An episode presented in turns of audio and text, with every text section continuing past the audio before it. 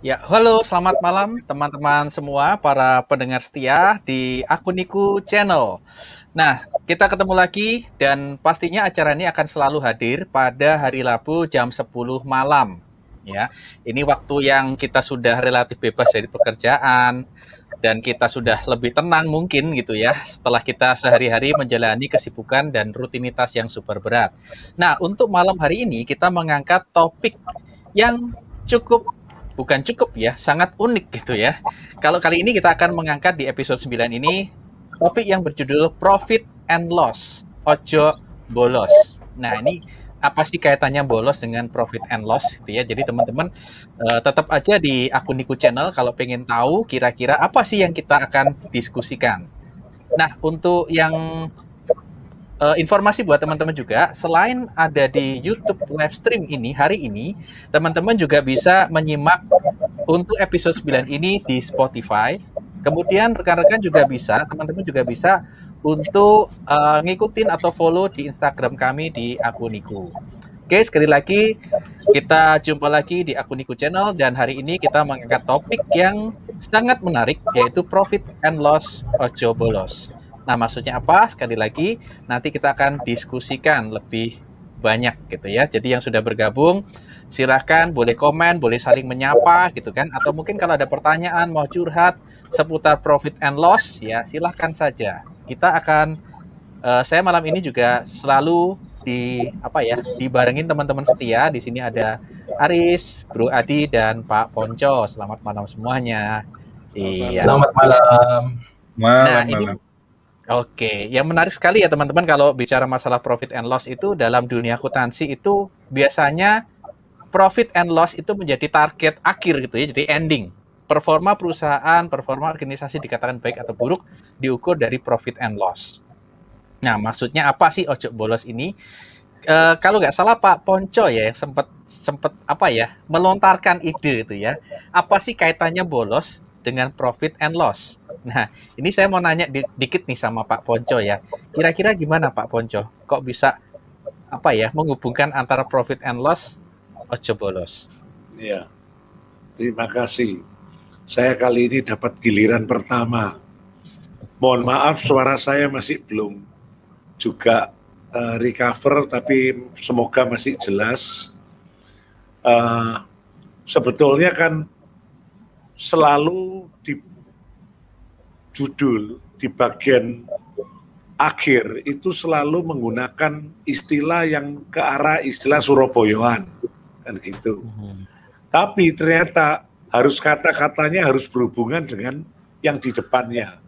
Karena di depannya itu Prof yang kita pilih uh, sebetulnya sesuai dengan permintaan dari audiens ini adalah profit and loss, maka coba kita cari mana-mana yang bisa ada kata osnya itu, mm-hmm. ya. Lalu maknanya bisa dihubungkan. Dan ternyata menurut saya kok cocok dengan kata bolos ini. Mengapa kok demikian? Ya nanti detailnya kita bisa uh, melihat di belakang di dalam wisdomnya. Tapi kalau saya memberikan bocoran dikit dulu itu adalah hmm. Kita bicara profit on loss ini bicara tentang sesuatu yang pasti normal terjadi di dalam uh, kegiatan. Yang kita secara accounting harus pinter untuk ngitung bahwa bagaimana hasil akhirnya itu. Kalau nggak profit ya loss. Tapi nanti kita melihat makna yang lebih luas dan seterusnya. Bahwa profit and loss itu sesuatu yang normal yang pasti terjadi dalam setiap ending dari sebuah kegiatan, apalagi bisnis. Nah, lalu kalau dikaitkan dengan kata-kata bolos, mengapa bolos? Karena sesuatu yang yang bernu, bernuansa bolos itu pasti negatif. Sehingga kita harus sadar bahwa bagaimana profit and loss ini yang sebagai sesuatu yang normal itu jangan sampai betul-betul menjadi nuansa yang negatif. Itu uh, pemaknaan awal dari mengapa kok jangan sampai atau ojo bolos karena jangan sampai terjadi seperti itu. Profit okay. and loss itu normal tapi jangan sampai menjadi negatif karena bolos itu negatif. Gitu. Oke, ya menarik ya teman-teman. Ternyata artinya seperti itu gitu ya bahwa yang pertama profit and loss atau or loss itu ya dalam kehidupan itu sesuatu yang normal itu biasa. Ya kalau kita mulai kaitkan dengan kehidupan sehari-hari bisa jadi suatu ketika kita merasa mendapat keuntungan, tapi juga ada kalanya kita juga mendapat kerugian dan itu biasa, itu normal. Nah, dan jangan sampai dua hal yang biasa itu kita konotasikan sebagai sesuatu yang buruk atau negatif ya kita anggap absence itu kan atau bolos. Nah seperti itu. Nah uh, di sini sudah ada dua rekan kita yang menyapa ya Bro Adi ya. Siapa Yui. aja nih? Yang pertama. Oke, okay, Stefanus Rianto. Selamat malam Pak Boni, Pak Ponco, Pak Adi dan Pak Aris. Good vibes. Wah, thank you. Oke. Okay. Nah, ini ada Gracia, ada Stefanus, ada Gracia. Malam Bapak-bapak. Hehe. Oke, okay, thank you sudah menyimak acara uh, Akuniku Channel malam hari ini yang dengan topik profit and loss ojo bolos. Nah, buat teman-teman, oh ini ada satu lagi nih, ada salam ya dari Kiri Kuri. Selamat malam para sifu-sifu life skill. Wah, yes. oke. Okay. Keren. Life skill, skill itu kaki ya Sikil. Oke. Eh loh. Oh, besok selamat ya. menguji ujian proposal tesis. Ternyata Pak. Stefanus ini memantau uh, ada temennya yang bakal ujian proposal. Nah, Gracia temen, itu. Ya. Nah, iya. Stefanus ini kapan ayo? tuh di challenge tuh kapan itu ya Stefanus. Oke. Okay. Ya, bimbingan gue. Oh ya. Oke oke. Oh ini Stefanus yang mana nih? Yang Oh bukan ya, bukan. bukan ya. Pak. Ini yang yang yang bukan. satunya. ya. Oke. Oh ada tujuh. Jonathan. Ya. Valentin Sugierto hadir. Oke, thank you. Selamat malam John. Ya, selamat menyimak uh, diskusi menarik malam hari ini. Nah, buat teman-teman yang mau sharing, mau ngasih pertanyaan, mau ngasih cerita, komentar, dan seterusnya, silahkan ya. Topik hari ini adalah profit and loss ojo bolos. Jadi kalau teman-teman punya pengalaman yang bisa relate dengan profit and loss, itu bisa di-sharingkan. Atau mungkin teman-teman punya pandangan, menurut saya profit and loss adalah, dan seterusnya, yuk silahkan kita berbagi, karena ini adalah kelas tanpa batas, gitu ya, kita sama-sama belajar. Oke, kalau bicara masalah kehidupan sehari-hari, nah ini kayaknya ada apa ya dari mana dulu ya? Dari Aris dulu ya, dari Aris ya. Nah, masih mikir. Profit masih mikir. masih ngelamun. Ngasih efek ngelamun vaksin. ya. Efek vaksin ya, yang efek pada baru vaksin ada efeknya. Loh, sudah vaksin semua. Sudah tadi, Pak. Saya belum. Oke, teman-teman sudah pada vaksin. Gimana Bro Aris sudah? Ya Pak Ponco sudah final ya, sudah ya, selesai. Oke, balik Gimana lagi ke Aris. Gimana Bro? Ya. Yeah. Ah, okay. profit and loss, silahkan. Uh, waduh, Pak Pon waduh. sudah lolos tahap dua ini. Accounting selalu pakai bukti ya. Wah, audit trail. audit trail. ya kalau bicara profit and loss, menurut saya profit and loss itu suatu konsekuensi sih dari apa yang kita lakukan. Jadi eh, kemarin justru saya nangkepnya kenapa kok judulnya Ojo Bolos itu kalau pemaknaan saya pribadi itu jangan sampai kita melakukan segala sesuatu mm-hmm. Memboloskan pertimbangan tentang profit and loss. Jadi melupakan malah kesannya. Ya kayaknya apa yang kita lakukan pasti ada dampaknya gitu loh. Contoh misal uh, membeli action figure gitu ya. Beli action figure mm-hmm. itu bakal untung atau rugi itu selalu saya pikirkan tapi at some points uh, pada titik tertentu itu saya merasa bahwa ya wis lah harganya mau naik atau turun, entah nanti untung atau rugi, toh tujuan saya untuk koleksi untuk beberapa item. Jadi ya melihatnya malah bukan profit and loss-nya secara secara moneter ya, secara duit ya, hmm. tapi malah secara kepuasan batin. Hmm. Itu, itu yang saya uh, ya kayak kayak melihat profit and loss segala sesuatu yang kita lakukan itu sebaiknya tidak diukur dengan uang saja sih. Ya. Hmm. Itu. Kalau okay. aku sih melihat gini apa uh, sekali lagi salah satu film yang favorit gitu ya uh, belajar dari Greatest Showman itu ya. Banyak Greatest Showman itu kan si P.T. Barnum ya uh, karakter utamanya itu kan seorang apa ya seorang pebisnis tapi juga seorang uh, dreamer itu kan.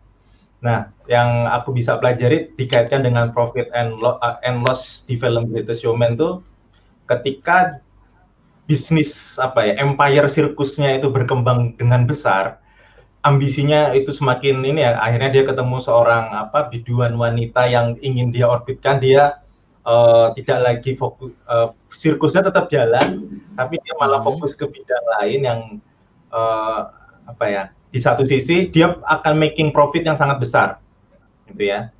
Tapi hmm. dia akan loss pada keluarga. Bisa dibayangin ya. Jadi ketika dia fokus pada uh, bisnis sesuatu yang uh, apa ya finansial tadi ya uh, tidak ada yang salah di situ sebenarnya. Tetapi ini ada salah satu quotes yang mungkin bagus dalam film Greatest Showman itu menurutku ya uh, ketika bisnismu itu berhasil profit gitu ya tetapi kalau keluargamu itu berantakan nah yes. kamu itu akan menghadapi satu loss yang besar. Bisnismu nggak berarti apa-apa di situ gitu loh. Nah itu tuh itu yes. uh, mungkin atau ya. Aku nonton Greatest Showman ketika aku sudah berkeluarga sudah punya anak dan sekarang pun masih chasing the dreams gitu ya. Ada hal-hal impian. Jadi uh, idealnya memang kan gini gini ya. Kita selalu mengimpikan ketika kita bekerja dengan keras inginnya untuk keluarga making profit tetapi mm-hmm. Nah keluarga ini jangan sampai jangan sampai kita tuh kerja keras tapi ya keluarganya juga berantakan bukan loss di situ gitu ya atau sebaliknya kita terlalu fokus di keluarga juga ternyata bisnis juga nggak berkembang juga ya masih better sih tapi Nah, uh, balancing ininya sih yang menurutku tidak mudah. Mungkin itu hmm. kalau menurutku profitnya. Oke, okay, ini ini menarik ya. Jadi kalau dari pengalamannya Adi ini bukan pengalaman, mungkin pengamatan atau analisis ya. Apakah benar berarti kalau kita mengejar sesuatu secara berlebihan pasti kita hmm. juga akan mengorbankan sesuatu. Dan pada akhirnya kita dituntut untuk menjaga keseimbangan ya atau mencari titik seimbangnya. Apakah gitu ya, Bro? Iya. Ya, oke. Okay. Iya, karena ya, ya gimana ya?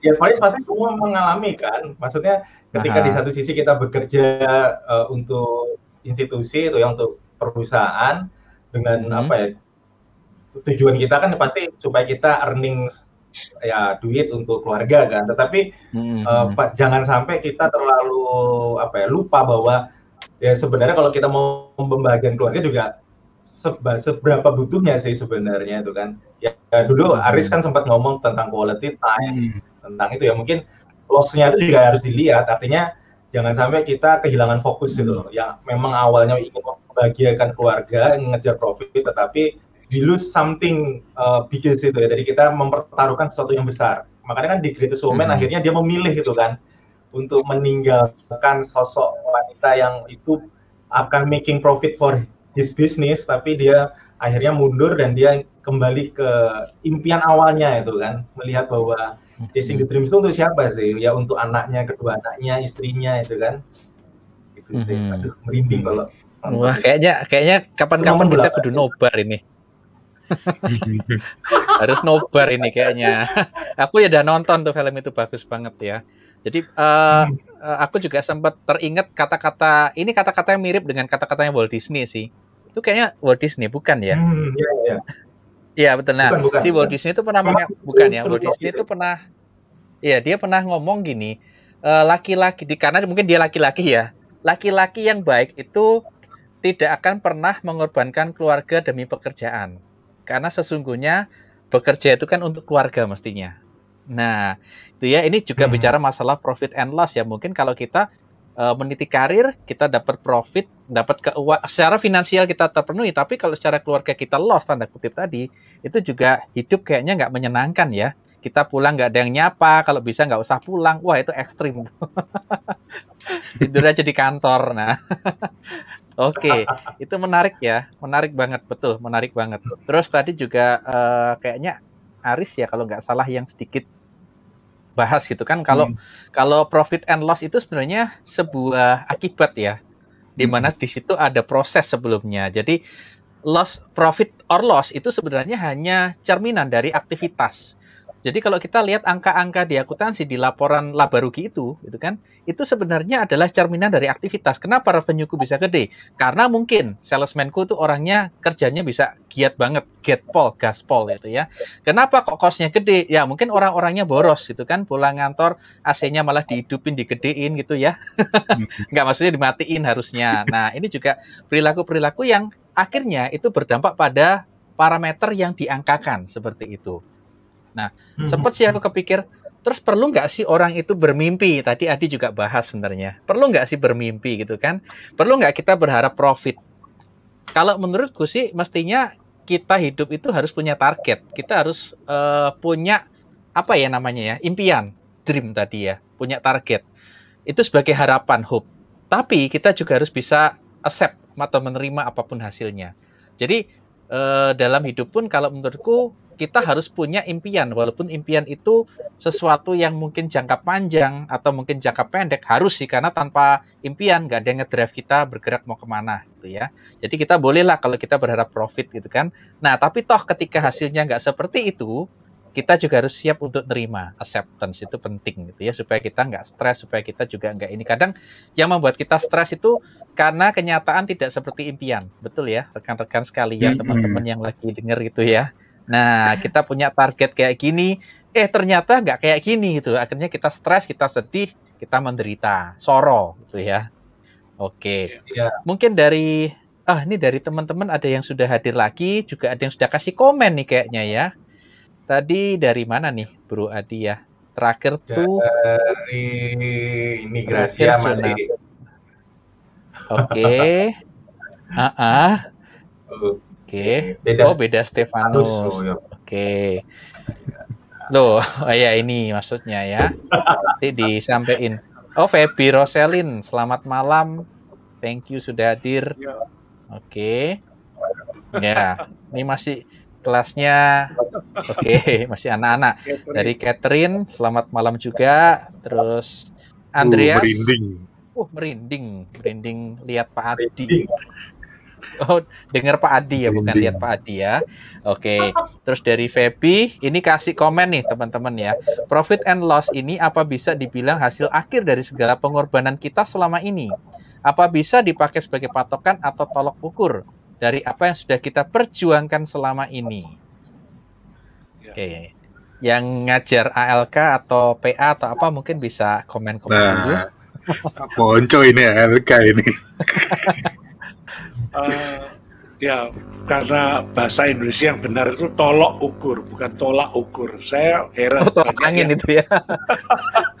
Kok bisa kecampur tolak angin? Ya oh. tolak miskin. Tolak miskin. Nah cuma uh, ini justru yang saya mau komentar. Tapi saya juga merangkum dari apa yang tadi disampaikan oleh rekan-rekan yaitu gini mari kita melihat bahwa kita itu pasti berharap ada uh, hasil yang kita mau kerjakan. Itu kita bermimpi apa hasilnya. Lalu kalau itu kita hitung, ya dua ekstrim. Apakah itu untung atau rugi yang kemudian kita sebut profit or loss. Tapi mari kita sadari bahwa profit loss ini sebetulnya bukan cuma berurusan dengan nilai uang. Sebetulnya harus kita sadari. Dan rekan-rekan tadi sudah mengatakan, percuma dapat yang namanya value nilai uang, tetapi justru ada yang lain yang harusnya kita menghi bisa menghitung secara lebih komprehensif. Justru kita harus menyadari bahwa account kita belajar accounting tapi accounting yang kita pelajari itu justru waktu kita hubungkan dengan acara kuniku ini, kita bisa melihat sesuatu yang lebih luas daripada accounting yang cuma numbers. Nah, gitu. Terus yang berikutnya lagi juga saya suka dengan tadi bahwa waktu kita uh, berurusan dengan hasil akhir itu tadi tidak seperti yang kita harapkan, kita juga harus memiliki sikap yang wise. Nah, sikap wise ini yang uh, sering kali kita itu berpikir cuma berurusan secara jangka pendek. Seolah-olah kalau tidak seperti itu, lalu kita mengatakan, wah percuma dan seterusnya. Belum tentu. Kita harus bisa melihat dari yang lebih luas. Nanti itu mungkin akan saya bahas lebih lanjut. Oleh karena itu, kita memang alangkah baiknya memiliki standar atau yang tadi disebut tolok ukur tetapi tolok ukur itu pun juga jangan single yang kita pernah bahas yang lalu harus balance dengan hal-hal yang macam-macam. Uh, sementara saya ceritakan hal itu, tapi saya lihat tadi juga ada beberapa komen yang juga bagus, boleh dilanjutkan. Ya ini. Hmm dari Fieri. Selamat malam Fieri. Profit and loss merupakan hasil akhir dari suatu aktivitas. Bila direfleksikan apa pun yang kita lakukan pasti ada hasil akhirnya. Entah itu baik atau tidak, ya dari apa yang kita lakukan. Oke. Ini statement ya dari Fieri. Ya, ya saya tak komentar lebih lanjut. Gini, salah satu contoh ya, waktu kita berpikir bahwa misalkan ada sesuatu yang kita kerjakan dan hasilnya tidak seperti yang kita harapkan alias rugi atau loss itu hmm. tadi. Kita melihatnya itu sebagai sebuah ya yang buruk bahkan disebut gagal. Kalau kita melihat dari satu aspek pendek itu. Tapi kalau kita melihat bahwa itu adalah sebuah pelajaran bagus bahwa kita itu sadar ada sesuatu yang salah yang kita perlu perbaiki. Nah, kalau kita melihatnya dari sisi itu, mestinya kata-kata loss atau rugi itu itu tidak boleh rugi tidak merupakan rugi beneran. Karena dalam jangka panjang kita hmm. akan memiliki sikap yang lebih wise, lebih hati-hati untuk supaya kita tidak salah terus.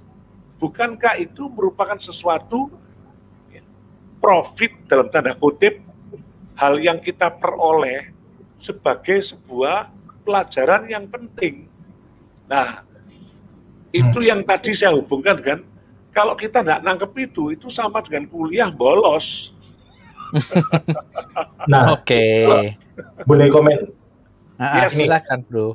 Nah, uh, menanggapi uh, ini ya dari Ferry sama Pak Ponco, ini kan ter yang terjadi dalam uh, dalam ada sebagian kultur yang menganggap bahwa proses evaluasi artinya kan ketika kita melihat dari sisi loss itu ya bahwa hmm. kita tuh mengalami sebuah kegagalan itu ya ada ada aspek lah bahwa kita tidak well perform itu ya ada hmm. karena kita kan dalam dunia pendidikan di Indonesia itu lebih me, me, itu tadi yang sempat disampaikan Pak Ponjo juga ke angka itu kan artinya hmm. orang hanya dinilai dari angkanya saja tapi tidak diajak untuk melihat refleksi Yes. Ada apa sebenarnya itu? Sehingga kan yang terjadi uh, fraud itu ya, kecurangan yang disengaja melakukan proses manipulasi padahal bagaimana kita bisa mengevaluasi diri kita kalau yang kita evaluasi ini kita manipulasi itu kan itu kan ada ada tendensi arah ke sana itu kan karena melihat tadi yang saya tangkap dari Pak Ponco bahwa loss itu sesuatu yang aib gitu. Seakan-akan satu aib yang membuat kita menjadi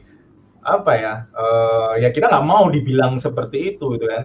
Nah itu yang mungkin uh, ada kultur yang keliru selama ini bahwa sebagai leaders misalkan ya melihat bahwa ini adalah sebuah proses sebuah progres gitu ya yang yang harus menjadi artinya semua orang berkontribusi itu ya keberhasilan dan kegagalan. Jangan cuman ketika profit itu mengdiklaim itu ya bahwa itu adalah uh, sebuah keberhasilan seorang leader itu ya. Tetapi ketika loss itu adalah kegagalan sebawahan.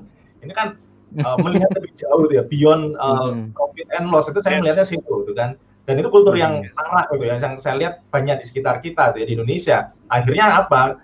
ya kita bicara tentang apa yang terjadi di COVID di Indonesia itu ya kalau dikait-kaitin itu ya ya parah juga itu kan karena kita nggak belajar mengevaluasi seharusnya ya ketika ada proses yang salah ya diperbaiki bersama jangan jangan cuman kalau salah diklaim bawahannya salah bawahan tapi kalau yes. sukses klaim atasan itu tuh komentar saya yes.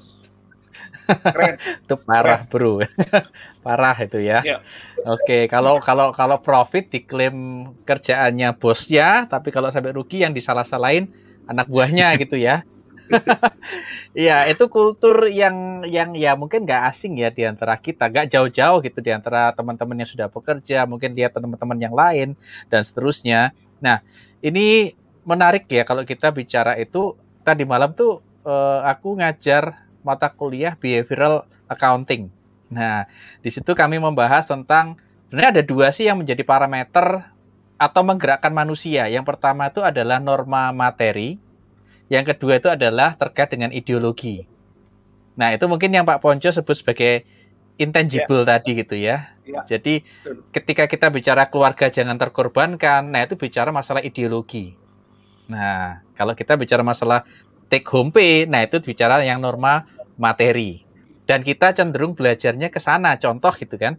Orang dikatakan sukses tuh apa sih parameternya? Pasti jawabannya ya penghasilnya besar. Ya. Oke ya. Bukan berapa banyak kucing yang dia kasih makan tiap hari ya, tapi berapa gede pendapatan dia. Ini contoh bro gitu ya, contoh dan memang betul bahwa itu menjadi parameter tolok ukur orang dikatakan berhasil dalam hidupnya. Oke, kadang kita nggak pernah tahu ya, lihat mobilnya bagus, itu kan pekerjaannya juga jabatannya tinggi, tapi kita nggak pernah melek keluarganya seperti apa gitu ya. Ya intinya semua itu kita berusaha berjuang mencari keseimbangan. Yang syukur kan secara pendapatan kita bagus, secara keluarga kita bagus juga gitu ya. Ya, syukur kalau seperti itu. Itu baik. Nah, oke. Okay. Ini ada komen lagi nih Pak Poco ya dari Andreas. Wah, ini yes. dari Andreas. Buat saya personal limitation bu oh bukan ya. Profit and or loss itu ya. Ini bukan hasil akhir. Yang awal profit bisa jadi loss dan sebaliknya. Oke, jadi ingat ini ya perusahaan-perusahaan yang unicorn yang apa ya dexakon atau apa gitu ya. Yes. Jadi awalnya loss untuk profit for the future. Yeah. Karena hidup gak cuma satu periode akuntansi. Wah ini menarik nih teman-teman ya. Hidup gak cuma satu periode akuntansi, satu anniversary. Yuk semangat song song. Wah song song nyanyi nyanyi periode berikutnya. Lagu-lagu. Oke setuju ya kita dengan ini statement ini, yang menarik. Ini ya. menarik Gimana, Pak ini. Hmm. Kalau saya coba mengingat-ingat ya format laporan keuangan jadinya. Mm-hmm. Kalau neraca atau balance sheet itu kan selalu kalimat keduanya kan per tanggal berapa. Yeah. Karena memang sifatnya balance sheet itu memotret. Jadi yeah. berat per tanggal berapa potret bisnis ini seperti apa. Kalau laba rugi itu tampilannya bawahnya selalu for the year N tanggal berapa. Jadi untuk tahun atau periode akuntansi tadi ya. yang berakhir pada tanggal berapa. Kalau saya coba maknai bedanya apa sih dengan dengan neraca tadi ya. Kalau neraca kan potret melihat gambar sekarang. Kalau income statement memang ada batasan periodenya. Tadi menarik tuh komennya Feby dan Andreas ya. Memang betul kita nggak bisa melihat jangka pendek karena apa ya selalu ada batasan kalau kita mau ngomong profit and loss karena dilihat dari komposisi lap laporan income statement itu selalu diawali dari pendapatan atau penerimaan kita terus dikurangi dengan pengeluaran dalam bentuk beban mm-hmm. baru kan ketemu itu profit atau loss mm. Nah sebenarnya laporan itu kan tujuannya untuk mengevaluasi kinerja kan jadi memang kayaknya uh, kalau mau melihat profit on loss harus dibatasi dulu deh time frame-nya kapan. Ya, jadi ya. hingga akhirnya setuju banget bahwa hari ini kita loss, misalkan per minggu ini kita merasa loss, hmm. sebenarnya tidak benar-benar loss karena kita sedang belajar dari kegagalan tadi. Hmm. Oke, berarti bisa dikatain loss itu ketika kita anggap sebagai proses belajar itu jadi bisa jadi investment hmm. ya untuk diri sendiri ya. Uh -uh Bahkan okay. gini, terkadang banyak kita yang merasa profit itu terlena ya. Hmm. Terlena itu dalam arti wah yes profit, hura-hura, kilaf ya kan. Padahal ketika profit pun itu kita harus mencari tahu sebenarnya kok bisa kita mencapai profit itu. Ini yang sering dilupakan juga kalau konteksnya evaluasi. Oke, kayaknya jadi ingat ini ya, apa pelajaran tentang mindfulness ya. Waduh, hmm. kalau pas profit jangan terlalu euforia, kalau pas loss jangan dunia sudah berakhir itu ya. Tapi hmm. kalau menurut Pak Ponco tadi keduanya itu adalah bahan evaluasi supaya kita belajar lebih wise di masa depan. Ya, yang tar lagi teman-teman pada THR-an gitu ya. Nah, yang mahal itu katanya bukan biaya hidup tapi gaya hidup. Nah, itu dia ya. gitu ya. Kalau gaya hidupnya melebihi THR-nya ya menderita lagi nanti. Ya, kita loss lagi kan gitu. Oke, ya siap-siap nanti tetap savingnya dijaga. Ke dari Gracia, setuju Pak Ponco. Berarti Adi Aris dan saya enggak tidak disetujui. los bisa jadi gitu, Ojo los gitu ta. Bercanda Ojo bolos ta. Siap.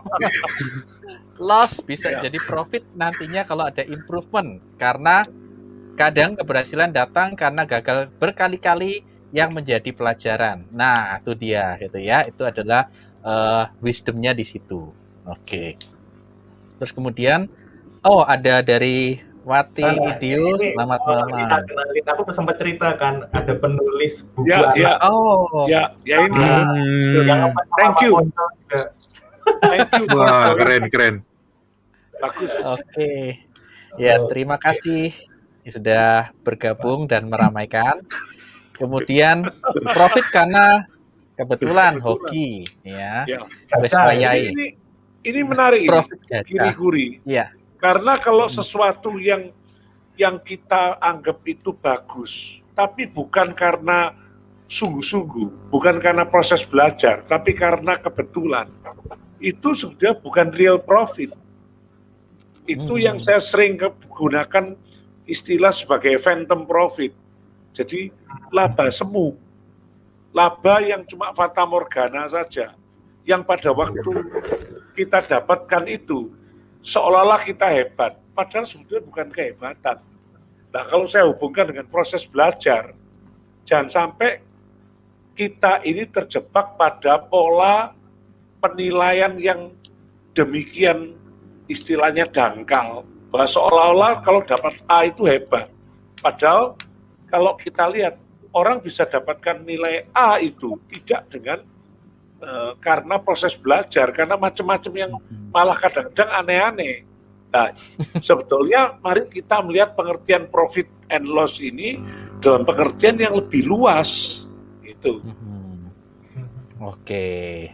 Nah ya, itu, Pak. Itu upaya mendapatkan dari... profit sama atau itu tadi memproses apa ya menghalalkan segala cara. Artinya sebenarnya kalau saya lihat profit itu juga bisa menjadi trap menuju ke loss gitu kan. Ketika kita melakukan Betul. itu tidak dengan kejujuran, yes. kita tidak melakukannya dengan apa ya, dengan keikhlasan gitu ya, dengan mm-hmm. niat yang baik itu malah sebenarnya mungkin tidak apa ya, sebenarnya loss dalam aspek yes. lain itu kan. Sisi integritas, Betul. sisi etika itu kan. Yeah. Itu kan sering terjadi sehingga yang yang yang saat-saat ini yang lebih banyak kita lihat itu adalah tadi yang Pak Pon saya senang tuh uh, disebut sebagai phantom uh, profit itu ya bahwa ya. performance yang tidak mencerminkan sebenarnya ya. itu kan yang bahaya kan. Ya. Itu ya. yang saya maknakan sebagai bolos itu tadi.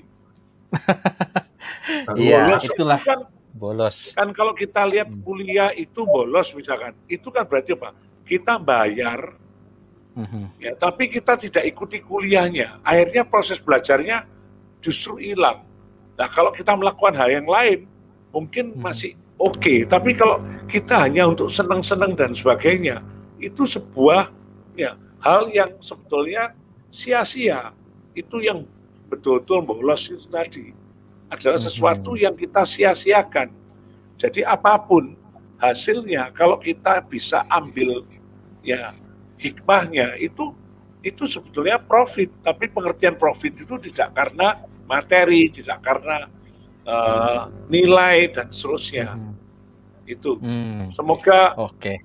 dapat wisdomnya sudah. Iya, kayaknya bisa jadi bahan bikin tesis disertasi tentang beyond profit and loss ya Pak Ponco ya. Yes. Wah.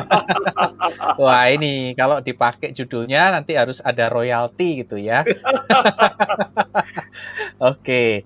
Terus uh, bicara masalah uh, time frame atau kehidupan gitu kan, ini sekarang kita juga banyak lihat kadang atau kita ya sendiri terjebak atau tergoda gitu kan untuk dapetin sesuatu yang kayaknya profit dan jangkanya pendek gitu ya dan mungkin itu bisa jebakan katanya Bro Adi ke depan itu ya seperti apa. Nah, ini Feby juga ada komen kayaknya ya Bro ya. Kita coba tampilkan. Mungkin bisa dilihat profit lossnya ketika neracanya per akhir masa hidup ya Betul. Pak. Wah, ini Betul. profit sama dengan berapa banyak hidup kita bermanfaat. Oke. Okay. Betul. Keren ini. Keren, ini keren. Thank you. Nah, ini, ini kan, bagus ya, bisa jadi ya. quotes. Hmm. Wah, ini ini Mantap. yang tadi saya dari... harapkan. Dia baru ujian okay. prakuliah saya ini. Oke. okay. Ya, uh, pertanyaan nih ya sepertinya, apakah mindset profit and loss ini ada hubungannya dengan kehidupan seperti prioritas? Bagaimana jika prioritas A dan B berbeda sehingga bisa jadi bagi A profit bagi B adalah loss. Ini persepsi mungkin ya. Oke, dan dan bagi A loss, B adalah profit. Nah, seperti itu. Ini kayaknya uh, Catherine ini bagus banget untuk memperdalam uh, pelajaran tentang behavioral accounting itu ya. Betul. Bagaimana kita ngambil keputusan. Oke, itu di S2 ya, di S1 belum. Oke, uh, ada yang ya? Nanti harus S2 berarti. Uh, tadi ada judul, saya sekarang tambahin judul yang keren itu Profit and Loss Beyond Accounting. Waduh, nah itu. Oke, okay, ya, ada yang kan mau komen ya, Bro? Penilaian penilaian apa ya kehidupan kita ya. Kalau ini ditarik ke kehidupan personal kan sebenarnya uh, materi ya kita harus ada standar minimum ya. Kita ingin ingin uh, uh, apa ya ya kita mendefinisikan apa sih sebenarnya impian kita uh, keluarga kita. Kita ingin bawa keluarga misalkan kalau ini tarik ke keluarga keluarga kita mau kita bawa ke mana sehingga pemahaman tentang profit and loss ini mungkin akan lebih multidimensi itu ya kalau saya menangkapnya seperti itu sih. Sama seperti dalam sebuah organisasi kalau kita lihat ya kita nggak jangan terjebak bahwa hanya mengejar profit saja itu ya. Tapi ada juga uh, sebenarnya kan kalau ditarik secara spiritual itu kan uh, sebuah bisnis, sebuah organisasi itu kan sebuah sebuah media ya bagaimana uh, rezeki itu diturunkan dan itu memberkati setiap orang yang terlibat di sana itu kan. Yes. Uh, kita jangan lupa untuk itu ya dan ada kewajiban juga uh, bahwa organisasi harus berkontribusi tidak hanya bagi dirinya sendiri itu ya bagi internalnya tetapi juga bagi lingkungan bagi alam semesta, alam semesta itu ya harus menjaga apa tidak melukai alam itu ya limbah dan hmm. seterusnya dengan masyarakat di sekitarnya itu ya. Artinya uh, bisa jadi sebuah organisasi di, secara kalau hanya melihat hanya secara kuantitatif angka saja bisa jadi dia tidak terlalu profit mungkin. Bahkan mungkin ada kecenderungan potensi untuk loss. Tetapi mungkin karena uh, apa ya visi sebuah organisasi itu cukup clear yes. bahwa apa yang ingin dia lakukan itu tidak hanya sekedar profit tetapi memberi manfaat buat alam semesta dan sekitarnya nih yang ngomongnya spiritualitas banget ya. Ya maksud saya seperti itu artinya jangan terjebak ya. ini jangka pendek. Mhm. Ini ini menjawab pertanyaan dari Catherine ini bahwa hmm. baik pribadi maupun organisasi kalau memiliki mindset yang berbeda dalam mak memaknakan profit loss ini, maka apa yang dikerjakan, apa yang dikejar, lalu kemudian ekstrimnya juga uh, waktu menilai keberhasilan itu menjadi berbeda bagi hmm. pribadi atau organisasi yang berpikir bahwa profit loss itu hanya berurusan dengan materi, maka dia akan ya, mengukur semua keberhasilannya itu dari sana kalau perlu yang lain dikorbankan. Tapi sebaliknya kalau ya apa yang menjadi idealisme itu justru ya bukan berurusan dengan materi saja yang dikejar, maka mungkin menurut saya bisa saja pada awalnya kelihatannya nggak dapat banyak, tetapi waktu dia dipercaya, waktu dia masyarakat melihat itu sesuatu yang dikerjakan baik, kebaikan itu juga akan juga datang mendukung dia. Mm-hmm. Saya percaya ya semesta mendukung hal yang baik yang kita kerjakan. Oke, amin. Oke, menarik ya sudah dapat penguatan dari Bro Adi plus dari Pak Ponco gitu ya. Ini topik yang kedua yang bisa diangkat untuk disertasi, skripsi atau tesis gitu ya. Bagaimana aspek spiritualitas dalam CSR kan gitu ya. Wow. Oke. royalti yang kedua, peluang royalti kedua. Oke, kayak Mr. Crab saya ya lama-lama. Pokoknya jadi promotor atau jadi pembimbing lah Pak Boni gitu ya. jadi Mr. Crab. Oke, ini ini dengaran tumben banget ya Adi hari ini spiritualitasnya keluar iya. semua. Wow. Ini kayaknya gara-gara kursinya nih. kursinya bikin ngiri nih. Oke, keren banget. Mm -mm. Tuh, terus, Andreas terus, terus dibaca itu. Andreas. Ah, oke. Okay. Wah, suka nih sama yang ditulis sis Feby. Profit adalah dari seberapa bermanfaatnya seseorang. Uh, tanya yes. tuh sama Feby siapa dospingnya gitu ya. Wes. promo promo. Oke. Oke, okay, terus kemudian dari uh, Wati. Iya, Bu ya, Wati. Ya. Psikologi uh, UNER ya. Oh. Jadi memang non accounting. Kalau kan sebagian besar teman-teman yang uh, backgroundnya mungkin ekonomi atau akuntansi itu ya. Nah, mm-hmm. Ini seorang penulis yang juga tertarik gitu, seorang entrepreneur sih sebenarnya juga. Tapi juga oh, penulis. Oke, okay. okay, menarik ini ya. Justru kapan-kapan kita hmm.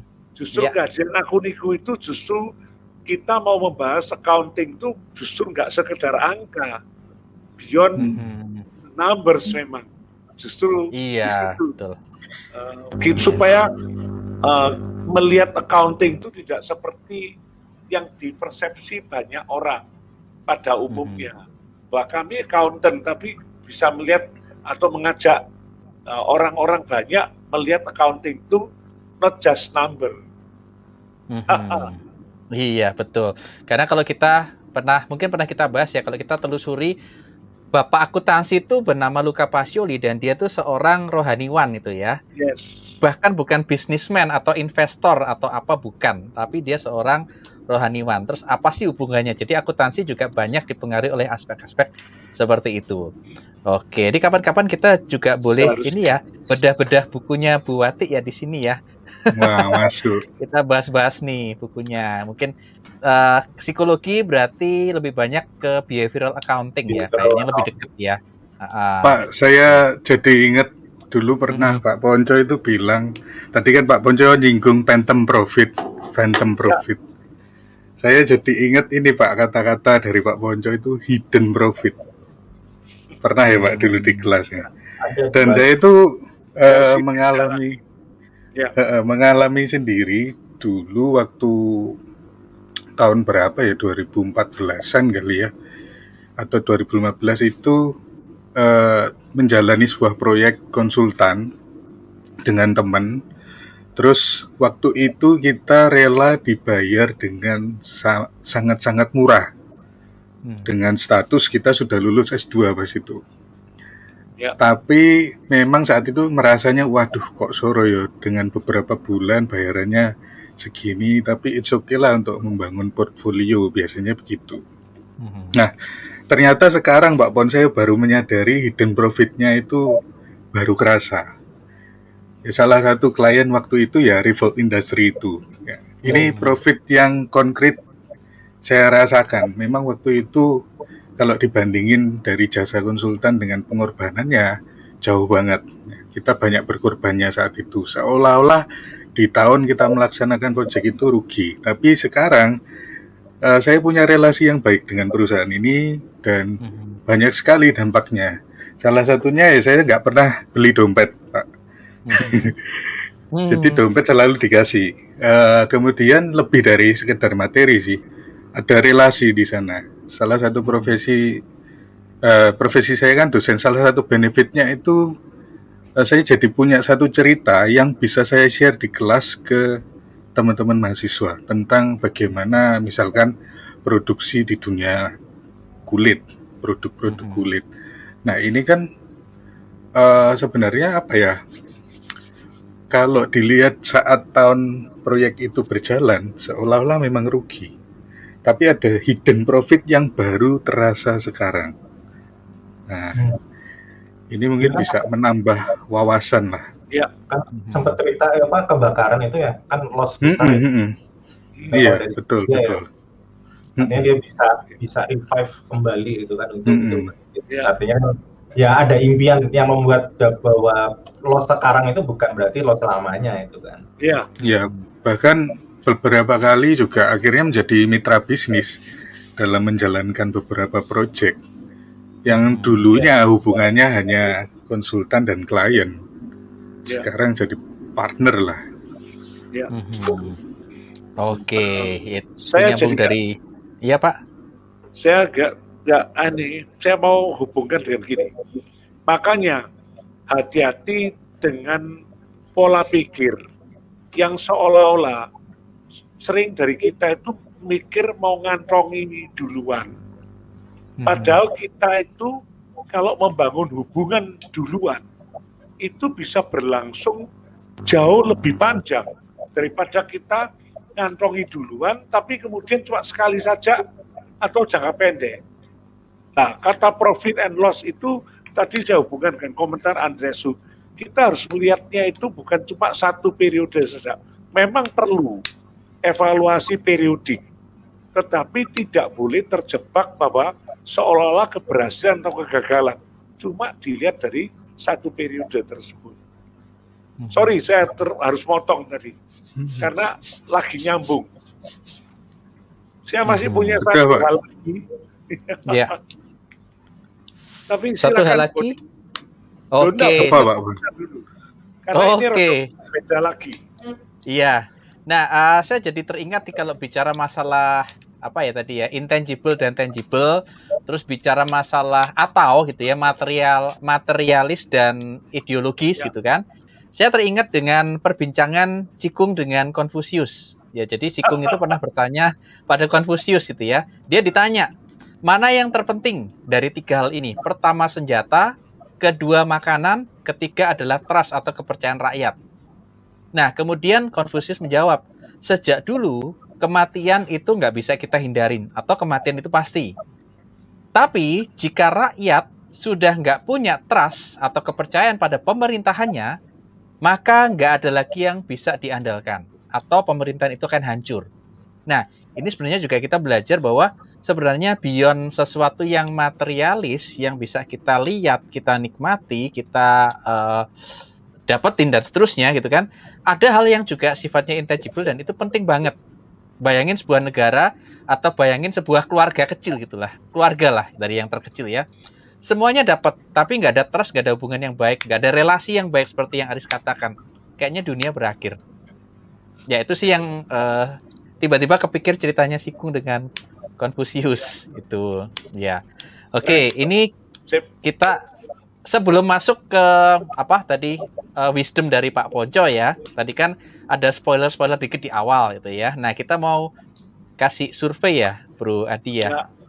Oke. Okay. Oke, okay, survei untuk topik minggu depan teman-teman boleh voting nanti juga ada voting lanjutan di akun Instagram akun Niko di story-nya ya. Ini voting tentang going concern. Ini topik pilihan dari minggu lalu dan challenge challenger-nya adalah penantangnya adalah revolusi industri gitu ya. Jadi teman-teman silakan uh, bisa tulis di komen untuk minggu depan kita ngobrolin apa sih gitu ya. Going concern atau revolusi industri. Ya, walaupun, aja. walaupun revolusi industri kelihatannya sepertinya bukan accounting tapi sebetulnya juga bisa dihubungkan uh, pemaknaannya. Hmm. Oke. Okay. Itu ya Bro Adi ya untuk Siap. untuk apa? Okay. Uh, eh, untuk pilihan topiknya gitu ya. Saya jadi ingat sedikit kasih spoiler aja gitu kan tentang revolusi industri itu pasti kan akan ada kaitannya dengan akuntansi seperti Pak Ponco katakan itu ya.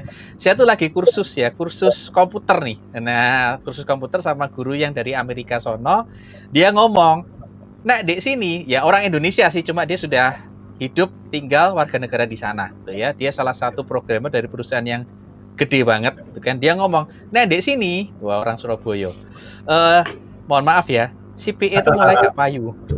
Ya, sorry itu kata-kata dia gitu ya. Nggak tahu di kita bagaimana, tapi kenapa dia berkata seperti itu? Karena teknologi itu sudah mulai menjajah tanda kutip manusia gitu ya, termasuk profesi kita. Itu yang akan kita diskusikan. Oke, kita akan masuk ke ke ke wisdom of akuniku. Silakan Pak Pon. Wah, ini menjadi berat karena uh, topiknya kita itu kan menjadi luas. Tapi saya tadi kan saya mengatakan masih ada satu hal, uh, tapi saya nanti uh, memang taruh di bagian yang ketiga. Bagian pertama dari wisdom of Ekuniku ini adalah karena kita menggunakan tema profit and loss. Kita harus sadar bahwa profit and loss ini bukan cuma ber, kaitan dengan masalah materi atau finansial saja. Kita harus sadar bahwa profit and loss ini maknanya luas. Karena itu alangkah baiknya setelah akuniku ini orang-orang yang mungkin memahami tentang profit and loss mereka justru menyadari bahwa ini bukan masalah hitungan atau keuangan saja. Itu yang pertama. Lalu yang kedua itu tadi juga di awal kita sudah sadari bahwa ini adalah sesuatu yang normal. Jadi persoalannya adalah jangan sampai pola pikir kita itu terlalu berlebihan baper terhadap profit and loss yang yang kita memang uh, lihat sebagai hasil dari apa yang kita lakukan. Dan pada waktu kita profit, kita sudah terburu-buru meng mengklaim, wah hebat. Lalu kalau loss, kita sudah keburu putus asa. Kita harus melihat bahwa ada dimensi waktu. Dan kita justru harus melihat bahwa profit dan loss yang sesungguhnya itu adalah waktu kita melihat dimensi waktu yang panjang sekali untuk kita lihat di akhir itu tadi. Karena itu harus make sure jangan sampai pada waktu terakhir itu nanti betul-betul kita terkesan yang seharusnya belajar kita bolos terus itu yang hmm. tadi saya hubungkan dengan arti uh, ya ojo bolos tadi Nah, bagian yang ketiga ini begini. Karena tadi saya sudah katakan tentang uh, profit and loss ini bukan cuma masalah finansial, materi keuangan. Saya berharap penerapannya, ya, eksekusinya di dalam kehidupan itu bukan cuma dari perspektif bisnis saja, tapi kalau kita hubungkan dengan keluarga, jangan sampai di dalam keluarga, misalkan suami dan istri, orang tua dan anak, nanti hitung-hitungannya profit and loss dalam pengertian yang sempit ini tadi. Lalu jadinya ya segala sesuatu itu dihubungkan uh, dengan hitung-hitungan. Ya. Mhm. Padahal justru yang tadi Boni sudah sampaikan tentang trust, tentang hubungan baik, tentang cinta, itu nggak bisa dihitung-hitung profit dan loss-nya ini tadi. Nah, ini yang saya sebut dengan beyond profit and loss. Justru hidup ini menjadi bermakna waktu kita bisa go beyond profit and loss. Karena profit and loss yang sesungguhnya, waktu kita itu memberi manfaat yang baik pada orang lain atau tidak. Bukan waktu apa yang kita dapatkan itu dia. Oke. Okay. Tentang dikit, Pak. wisdom and profit and loss.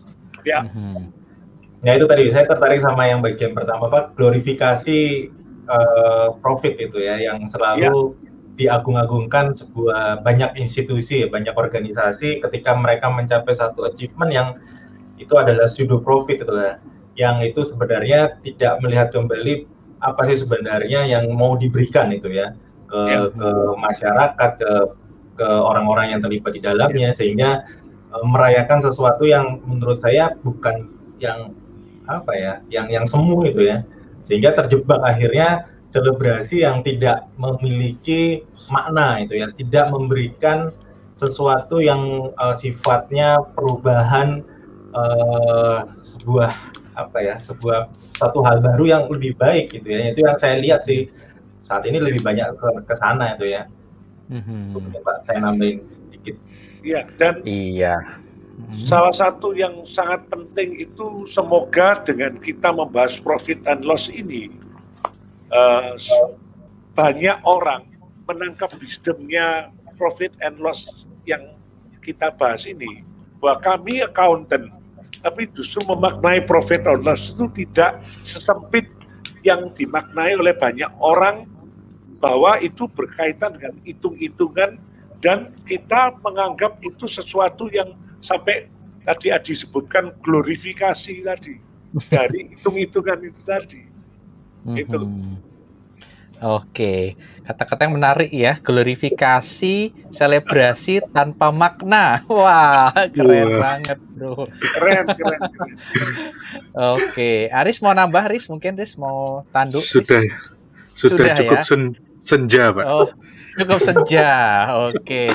Nah, kita sudah di penghujung acara. Kalau dari apa yang disampaikan wisdom of akuniku untuk hari ini, untuk malam ini gitu ya, ada tiga hal. Bahwa yang pertama itu profit and loss itu jangan hanya bicara masalah aspek yang finansial, karena di situ juga ada sesuatu yang sifatnya non finansial atau disebut sebagai tangible dan intangible. Kalau saya menyebutnya sebagai uh, norma yang material dan satunya adalah ideologi. Kemudian yang kedua ada dimensi waktu di situ. Ya kita bisa melihat mau berapa panjang gitu kan. Kita mungkin bisa jadi kita akan loss jangka pendek tapi belum tentu kita akan loss selamanya selama kita mau belajar dan improve. Oke. Okay? yes. dan yang ketiga itu adalah beyond profit and loss. Nah ini bicara masalah value bagaimana kita memberikan value bagaimana kita menjadi tanda kutip berkat buat orang lain gitu ya. Seperti yang Adi katakan bahwa yaitu tadi gitu ya bahwa selebrasi itu boleh selama kita bisa give value gitu ya. Jadi bukan selebrasi yang tanpa arti, tanpa value. Oke, okay. buat teman-teman yang mau mendengarkan lagi atau membagikan uh, obrolan kita malam hari ini bisa di share, bisa di boleh share gitu ya link YouTube, kemudian juga subscribe juga kalau pengen dapat notifikasi ya harapannya bisa support itu ya, support untuk subscribe, bisa ajak-ajak teman-teman teman-teman yang lain. Terus juga kita ada Spotify kalau mau dengerin aku Niku channel, aku Niku ya. Kemudian di Instagram kita juga punya uh, akun di aku Niku juga bisa di follow untuk dapat notifikasi, dapat quote-quote menarik, bahkan quote-quote teman-teman yang menarik itu juga akan kami tampilkan di sana. Oke. Dan yang satu lagi sebelum saya berikan ke acara yang tidak kalah puncak gitu ya.